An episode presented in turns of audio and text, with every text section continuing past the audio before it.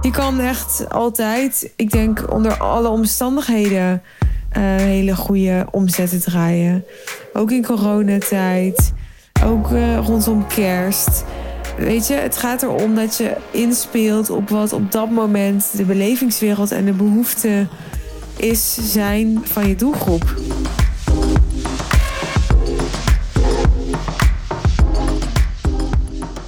We staan voor de zomervakantie. Het zou natuurlijk zijn dat je er allemaal niet zo'n boodschap aan hebt. Misschien heb je geen uh, jonge kinderen. Ga je buiten het uh, hoogseizoen op vakantie. En um, ja, zijn dit gewoon uh, normale, dus aanhalingstekens maanden voor jou.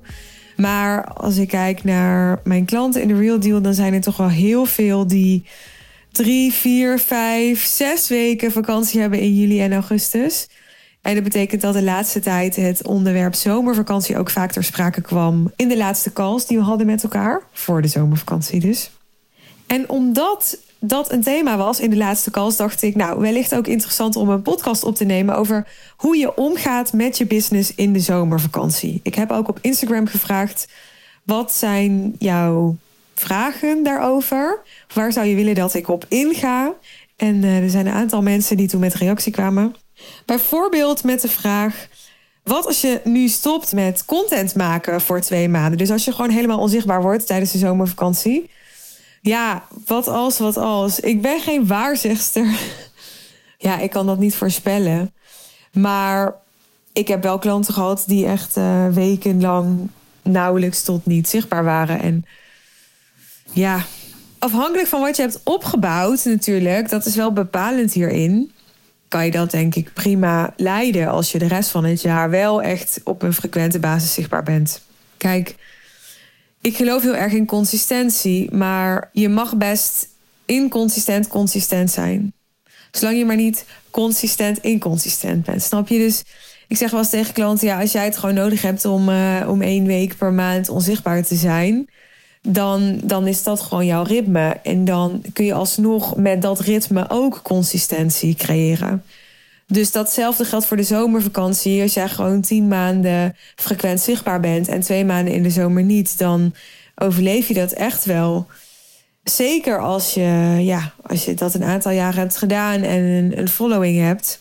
Anders overleef je dat trouwens ook wel, maar je begrijpt wat ik bedoel. Wel is het zo dat, dat het zo kan zijn dat als je een paar maanden niet zaait, dat je dan in die maanden daarna merkt dat je dan ook minder oogst en dat je eerst weer een tijdje moet zaaien. Maar ja, wat het mooie is aan ondernemen is dat jij je business helemaal naar je hand kunt zetten en ja, ook de seizoenen zo kunt gebruiken en kunt inzetten als dat jij wilt. Dus als jij in de zomer helemaal wil kunnen afschakelen, ja, dan heb je gewoon te zorgen dat je in de andere negen maanden van het jaar bijvoorbeeld je omzetdoel haalt. En dat kan natuurlijk prima. dus je kunt gewoon je plan zo maken dat je in, uh, in negen maanden tijd uh, je doelen behaalt. Iemand anders vroeg op Instagram over de zomervakantie: hoe mag je accepteren dat jij ook pauze mag nemen? En hoe doe je dat met vertrouwen? Ja, ik denk dat je deze vraag op allerlei lagen kunt beantwoorden. Je kunt bijvoorbeeld kijken naar je overtuigingen. Dus als jij deze vraag stelt, dan zit hier waarschijnlijk een, onder, een overtuiging onder dat je geen pauze mag nemen. of dat het niet oké is om twee maanden vrij te nemen of één maand vrij te nemen, maakt niet uit. En ja, die overtuiging kun je, kun je onderzoeken. Bijvoorbeeld met uh, de vier vragen van Byron Katie.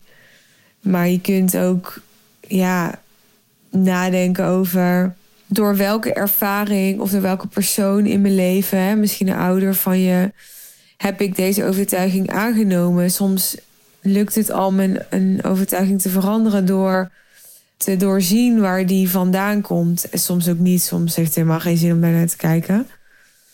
Dat is op het niveau van de overtuigingen.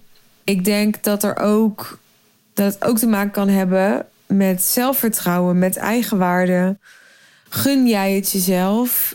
Sta jij jezelf toe om vrij te nemen, om rust te pakken, om ruimte te pakken? En die eigenwaarde, ja, daar kan mogelijk weer een verband zijn met hoeveel geld je verdient, hoe je presteert, hoeveel erkenning je krijgt, hoe zichtbaar je bent. Dus dat is ook interessant om te onderzoeken. Is er misschien iets in jou wat, wat bang is ook voor de leegte die er misschien is? Wanneer jij niet meer in de rol van ondernemer zit. Dat kan ook, hè? Dus dat je ervan maakt dat, dat je het lastig vindt om, uh, om te accepteren dat je vrij mag nemen. Maar misschien vind je het wel lastig om geconfronteerd te worden met wie jij bent zonder die rol. En wat er dan van je overblijft.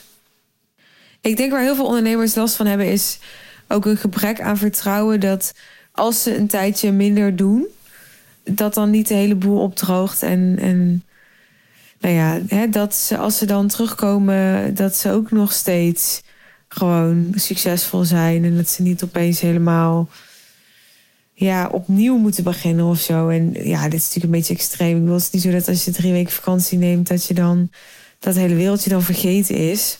Maar nou ja, als je echt zes weken helemaal eruit gaat. Er zijn ondernemers die dat willen en ook ondernemers die dat doen. Dan ben je er ook echt wel even uit. En dan kun je dus ook echt wel het gevoel hebben dat je daarna weer opnieuw moet opstarten, als het ware. Ja, ik vind het eigenlijk best wel een uh, saai onderwerp. Heb je wel eens. ik denk echt, ja, nou ja, weet je, over uh, zes weken inderdaad, dan is uh, dit allemaal weer voorbij. En dan is het allemaal helemaal niet meer boeiend. Maar goed, maar goed. Omdat het een soort uh, verzoeknummer was, hè. En een vraag die ik ook heel veel heb gekregen over de zomervakantie is... ja, wat doe ik dan met sales calls? Als ik nu potentiële klanten op mijn pad krijg deze laatste weken... of in de zomervakantie ja, ga ik dan uh, die pas inplannen voor over vier weken of zo? En dat is dan misschien helemaal niet slim. En uh, hoe deed jij dat dan, Suus? Nou ja, voor uh, hete leads mag je me eigenlijk om drie uur s'nachts al wakker maken, moet ik eerlijk zeggen. Dus ik heb altijd wel geregeld dat ik op redelijk korte termijn dan mensen kon spreken. En ik zeg tegen mijn uh, klanten altijd: ja, dat er volgens mij uh, drie knoppen zijn om aan te draaien. Of je, je zorgt dat je voor sales zelf nog beschikbaar bent. Of je laat iemand anders sales voor jou doen. Of je plant alle calls in na je vakantie. Ja, ik zou dan toch kijken of je, als je niet al iemand hebt voor sales, of je dan de zomervakantie kunt gebruiken om. Uh, misschien wel een soort trial te doen met een VA die je al hebt of een nieuwe VA. Die, uh, die in ieder geval eerst gesprekken voor je gaat doen en die als soort filter kan fungeren. Ja, ik heb dat ook, dat uh, Marjolein nu eerst gesprekken doet voor mij. En als zij het gevoel heeft, nou deze persoon is al voor 80% verkocht, dan heb ik daar een tweede gesprek mee. En dat, ja, dat is super fijn. Want dat maakt dat ik als ik mensen spreek, dat het mensen zijn die ook echt serieus overwegen om in te stappen. En dat uh, vind ik wel belangrijk. Nou, iemand vroeg ook nog aan mij: accepteer ik dat het, uh, dat het rustig is? Ja, dat, dat hoeft echt helemaal niet. Hè, mensen hebben het al snel in de zomer over komkommertijd. Maar ja, er zijn ook zat mensen die juist in de zomer willen gaan investeren, nieuwe dingen willen gaan doen, die dan uit de waan van de dag zijn die ze in andere maanden hebben, waardoor ze juist meer ruimte hebben om, uh, ja, om een, een nieuw transformatieproces aan te gaan en daar een beslissing over te nemen. Dus ik zou niet gaan leven met de overtuiging: oh, er is nu niemand die investeert en het is nu moeilijker om uh, een hele goede omzet te draaien. Want dat is gewoon uh, helemaal niet waar. Je kan echt altijd, ik denk onder alle omstandigheden, uh, hele goede omzetten draaien.